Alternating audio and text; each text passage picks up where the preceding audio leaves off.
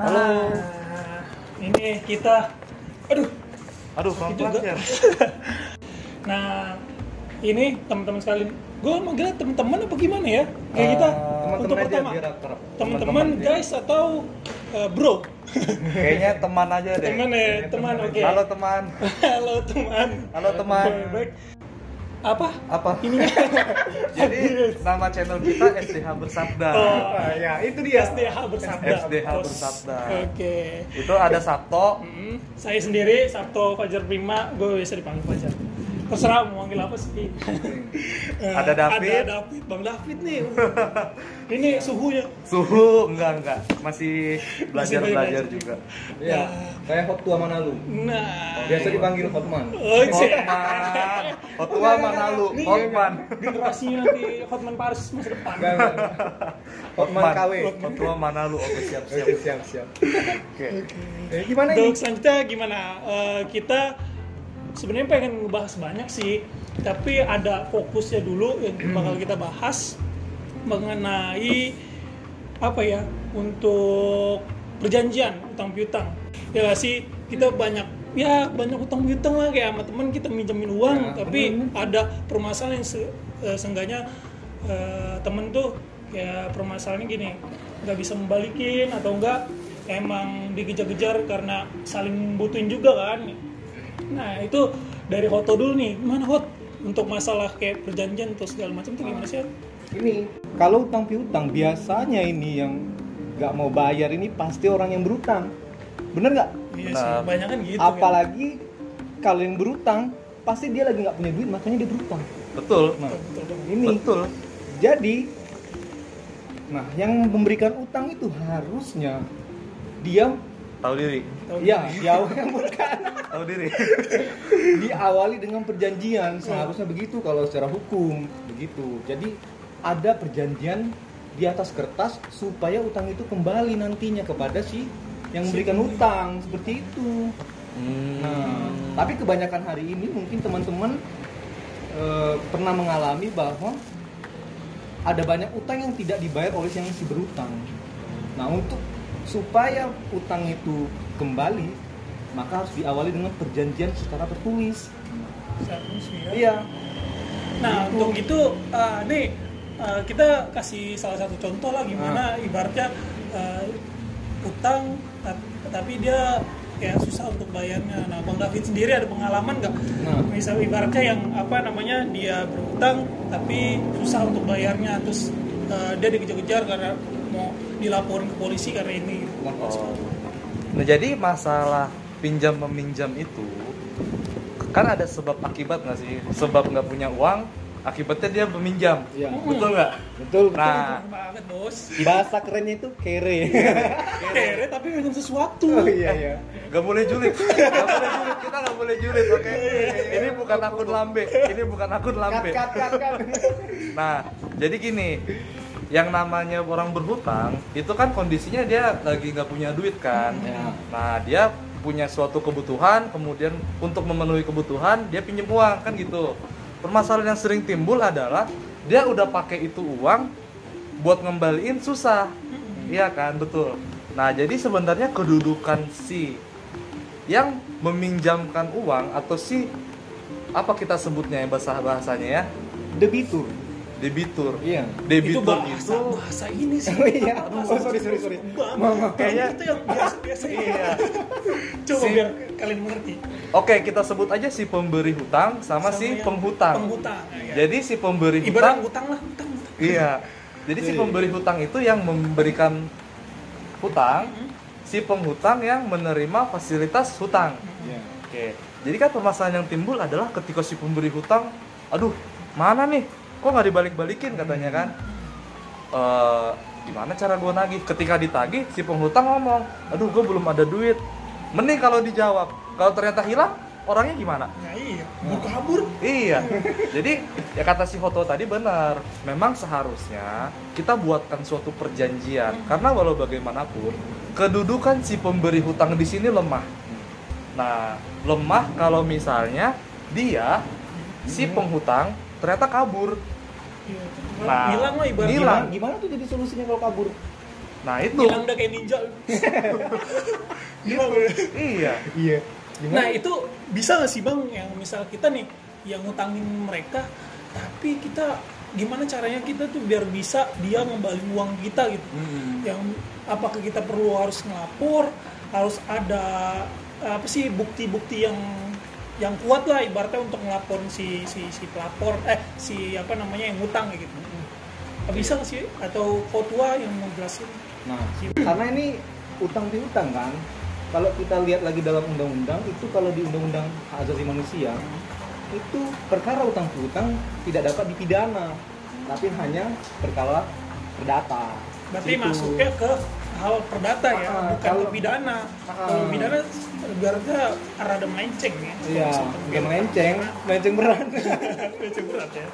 Oke. Nah, kalau supaya itu utang itu kembali, harusnya di awal perjanjian ada jaminan.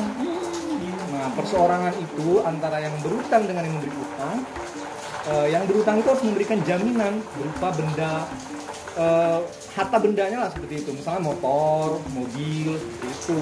Nah ini nih, ibaratnya nih, gini nih Bang uh, Totua dan Bang David. Eh, dalam utang piutang itu kita ada ada perjanjian dulu nggak sih untuk eh, kita bisa ngebuktiin tuh kayak misalnya dia ini ut- ngutang sama kita ada perjanjian tersebut di dalam di dalam suatu perjanjian itu harus ada kan ya Iya, pasti nah dong. itu dalam dalam pasal berapa sih terus eh, aturannya dalam apa sih Oh, maksudnya tadi syarat-syaratnya ya? ya Nah, lebih ke syarat-syaratnya kita biar bisa ngutang tuh gimana mungkin teman Bang David Teman Bang David. Oh, iya. Jadi gini, sebenarnya kan dasarnya timbul hutang piutang ini kan karena kesepakatan kan. Iya. Jadi karena, eh gue butuh duit nih, bisa pinjem nggak? Ya udah, gue ada. Mau pinjem berapa? Misalnya 20 juta katanya. Gue ada, tapi kapan mau dibalikin? Minggu depan deh bro, gue kayaknya minggu depan ada duit katanya gitu kan. Oh ya udah, nih. Tapi minggu depan ya, oke. Artinya di situ terjadi suatu kesepakatan dong. Nah, benar kata Hotua, perjanjian hutang piutang itu tidak bisa kita tarik, tidak bisa kita campur aduk menjadi suatu perbuatan pidana Hmm. karena dasarnya itu adalah per- kesepakatan. Ya, nah, perdata ya. perdata kan. Hmm. Di 1320 KUH Perdata juga udah disebut. Itu syarat-syaratnya itu setidaknya ada empat. Ada empat syarat. Yang pertama itu apa? Cakap dulu nih. Cakap, Nah. cakap. Nah, Cakap nih gimana nih maksudnya nih Bang? tunggu. Kayaknya ngawur deh. Iya. Enggak. Jadi di 1320 itu yang paling pertama kita harus sebut unsur per unsur. Yang Iya. paling pertama itu kesepakatan. Oh iya, iya. Yang paling pertama itu kesepakatan. Jadi ada kesepakatan di antara mereka untuk memberikan pinjaman dan mengembalikan pinjaman. Di situ ada kesepakatannya. Kemudian yang kedua, cakap. Cakapnya ini gimana? Sudah dianggap dewasa. Secara hukum dia sudah dewasa. Nah, sehingga dia dapat melakukan tindakan hukum. Nah, kemudian yang ketiga adalah suatu hal tertentu. Artinya perbuatan itu pinjam meminjamnya ini memang ada tujuannya gitu loh. Kemudian yang keempat tidak bertentangan dengan hukum. Siapa itu yang menengok? ada ambulan lewat. Nah, Aduh, gua jantungan. kemudian yang keempat adalah dia tidak bertentangan dengan hukum. Ada klausul halal di situ. Oh, iya. Nah, ketika empat unsur ini terpenuhi, Hmm. artinya kesepakatan itu timbul. Itulah yang dinamakan perjanjian. Jadi kalau misalnya mau kita tuangkan ke dalam suatu perjanjian, balik lagi, sebenarnya nggak ada aturan baku mengenai kalau misalnya perjanjian itu harus seperti ini, harus memuat ini, harus memuat itu, enggak. Jadi berdasarkan kesepakatan kita, Hmm. Berdasarkan kepentingan kita. Jadi misalnya gini, ayo kita bikin kes- perjanjian utang piutang katanya. Yang paling pertama, setidak-tidaknya itu Hmm. ada objeknya. oh harus ada objeknya dulu ya Iya. kita ah, ah, siapa yang ngutang ibarat gitu oh gimana sih Tunggu, kok objek ya? Tunggu, kok objek ya? Subjek. Subjek. Ada subjeknya. Iya. Subjek yang paling pertama adalah cakep nggak dia orangnya nih. Iya. Nah, itu nanti disebut dulu tuh di perjanjian yang paling pertama. Siapa tuh pihak-pihaknya? Misalnya Sabto sama Hotua. Si peminjam Hotua yang memberikan pinjaman Sabto. Oke. Sudah secara hukum cakap, kemudian pertimbangannya apa bahwa si Hotua itu butuh uang nih untuk biaya persalinan istrinya Oh, belum beristri, Bang. belum beristri ya anggap aja ya. Ah, anggap aja lah dikit lagi iya kan Jadi, eh tapi emang Hotua udah punya calon Oke skip skip skip skip lanjut lanjut. Nah jadi misalnya butuh uang untuk eh, ini deh benerin motor misalnya. Dia butuh uang benerin motor 20 juta. Kemudian oleh karena itu maka dibuatlah perjanjian ini. Nah kemudian masuklah ke dalam tubuh perjanjian. Di pasal 1 itu biasanya langsung aja kita masukin maksud dan tujuan. Jadi maksudnya dibuat perjanjian ini adalah supaya kegiatan pinjam meminjam kita itu secara hukum terlindungi sempurna secara hukum gitu. Ah, ada di situ perbuatan hukum kita tuangkan ke dalam perjanjian. Kemudian pasal selanjutnya apa? Ya yang pasti jumlah utang piutangnya dong. Iya. berapa nilainya nilainya harus disebut di dalam kemudian setelah disebut nilainya Mm-mm. jangka waktu nah ini jangka waktu ini nih Jangka waktu pengembalian maksudnya? Iya, jangka waktu pinjaman berapa misalnya? eh Hotua nih sanggup dua minggu katanya. Oke, dua minggu berarti 14 hari dari perjanjian itu dibuat sampai nanti 14 hari ke depan masa apa namanya masa Pengembalian uang? pengembalian uangnya harus Hmm. berjalan nih 14 hari ke depan. Oh. Nah, seperti itu. Kemudian tata cara pembayaran. Nah, ini tata cara pembayaran. Biasanya lunas. Tapi kalau misalnya ternyata kredit cicil, berarti kita tentukan dong cicilan pertama kapan, cicilan kedua kapan, ya kan? Berapa besaran cicilannya perlu juga kan? Besaran cicilan boleh. Kemudian jaminan. Nah, jaminannya apa nih ketika tidak dapat dikembalikan utangnya? Apa jaminannya misalnya? Nah, itu tadi itu yang penting, itu yang paling Itu. penting. Nah, kalau misalnya ibarat gini, Bang. Kita cuma minjam misalnya 10 juta. Tapi eh, yang kita jaminkan tuh apa? Soalnya kan nggak ada kan yang senilai dengan 10 juta itu kan. Mm-mm. Motor lebih dari 10 juta. Tapi ada sih motor yang ya 4 juta, 5 juta. Itu apakah bisa untuk kita apa namanya jaminkan? Oh. Gimana ya? Kayaknya itu kita bahas di pertemuan berikutnya kali ya. Jadi kita next mungkin kita bahas soal jaminan, jaminan ya. Dan iya. segala macam. Nah. nah ini nanti- gue mau nanya lagi nih. Ah, iya. Ini eh, namanya kesepakatan kan yang gue tahu nih bang, adanya kesepakatan itu lewat lisan. Tadi yang bicarakan kalau misalnya kita ngomong meminjam uang nih, eh, terus dia ngasih segala macam, terus kapan mau dibalikan segala macam kan, secara lisan nih. Terus ada juga yang secara tulisan. Lebih baiknya kita tuh kalau misalnya meminjam uang atau lagi jumlahnya nominal banyak, apa lebih baiknya secara lisan aja atau tulisan? Gitu. Nah, bagusnya ya, Mhm. karena hukum itu kan bicara mengenai kepastian. Nah, hal yang tertulis itu lebih enak dibaca. Hmm. Apalagi pembuktian hukum perdata ini kan berdasarkan surat, Ya. akta-akta otentik, ya kan? Artinya ya, alangkah lebih baik jika dituangkan ke dalam satu perjanjian. Nah, buat teman-teman nih yang bingung, gimana sih kalau misalnya kita mau buat perjanjian, bisa teman-teman hubungin aja kami nih. Wih, Nanti kita promosi. pandu deh. Nanti kita pandu deh, kita bantu. lebih ke sharing-sharing sih. Iya, kita Mau sharing-sharing aja. ilmu juga. Iya.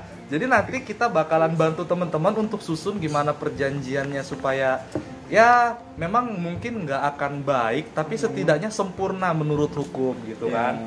Nah, jadi balik lagi ketika tadi sudah dibuatkan suatu jaminan di dalam perjanjian, kemudian kita tentukan apabila terjadi permasalahan hukum bagaimana penyelesaiannya. Hmm. Yang pertama pasti musyawarah, kemudian menentukan apa namanya yurisdiksi pengadilan Oh. ketika musyawarah tidak tercapai. Kemudian ketentuan lain-lain jangan lupa di dalam ketentuan lain-lain kita sebutkan bahwa hal-hal yang tidak diatur itu akan kita atur lagi di dalam Adendum. adendum ataupun kita rubah menjadi suatu amandemen yang menjadi satu bagian dari perjanjian ini. Oke. Jangan lupa tanda tangan pihak-pihak kalau bisa ada saksi. Hmm. Gitu. Nah ini bang, satu lagi kan ini kan masalah pasti nyangkutnya ke perdata ya. Hmm. Mungkin juga kan orang-orang juga nggak tahu kalau misal perdata tuh gimana sih yang yang teman-teman sekalian apa namanya alamin kan taunya ya lapor ke polisi, ke, ke pidana ibarat kayak gitu.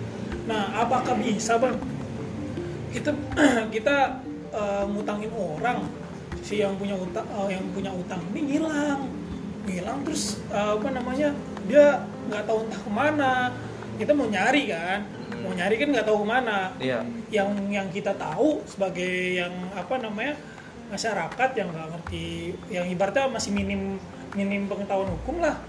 Itu ya mau ngelapor ke polisi. Apa kok bisa sih bang? Nah, itu ini- sebagai apa sih kayak sebagai pencurian kah? Atau enggak penggelapan kah? Atau apa kayak gitu. Nah, karena kan ngambil ngambil uang kita loh kayak pencuri nih orang nih. Iya. gitu. Eh, Gimana, pencuri bukan? Gimana untuk itu Hot? itu tadi.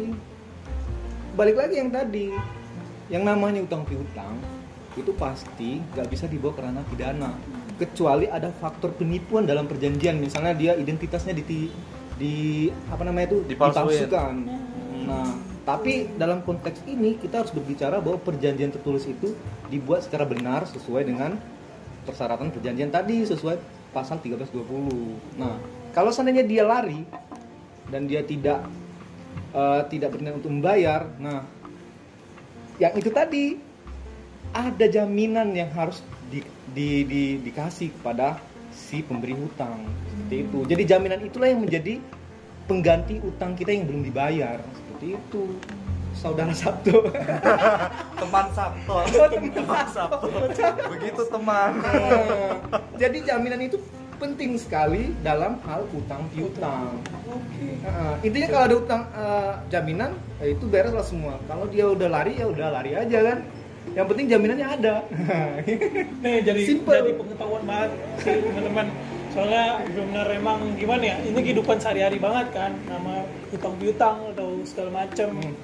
Eh, jadi nggak jangan dikatain itu pencuri atau ini ya segala macam atau pidana itu masuk ke ranah perdata Iya, benar sekali. itu sih eh, untuk konten kita hari ini kan untuk masalah perjanjian dan juga ke utang piutang masalah yang sekarang. Nah mungkin ke depannya kita bakal membahas-bahas yang lain ya. Tadi kan tentang apakah nanti pencurian itu yang kayak gimana sih? Ya. Pencurian itu kayak gimana sih? Eh, apakah dia emang mencuri itu dalam bentuk apa? Terus yang dikategorikan kalau misalnya ngambil pulpen orang tuh mencuri atau tidak? Tanpa pengetahuan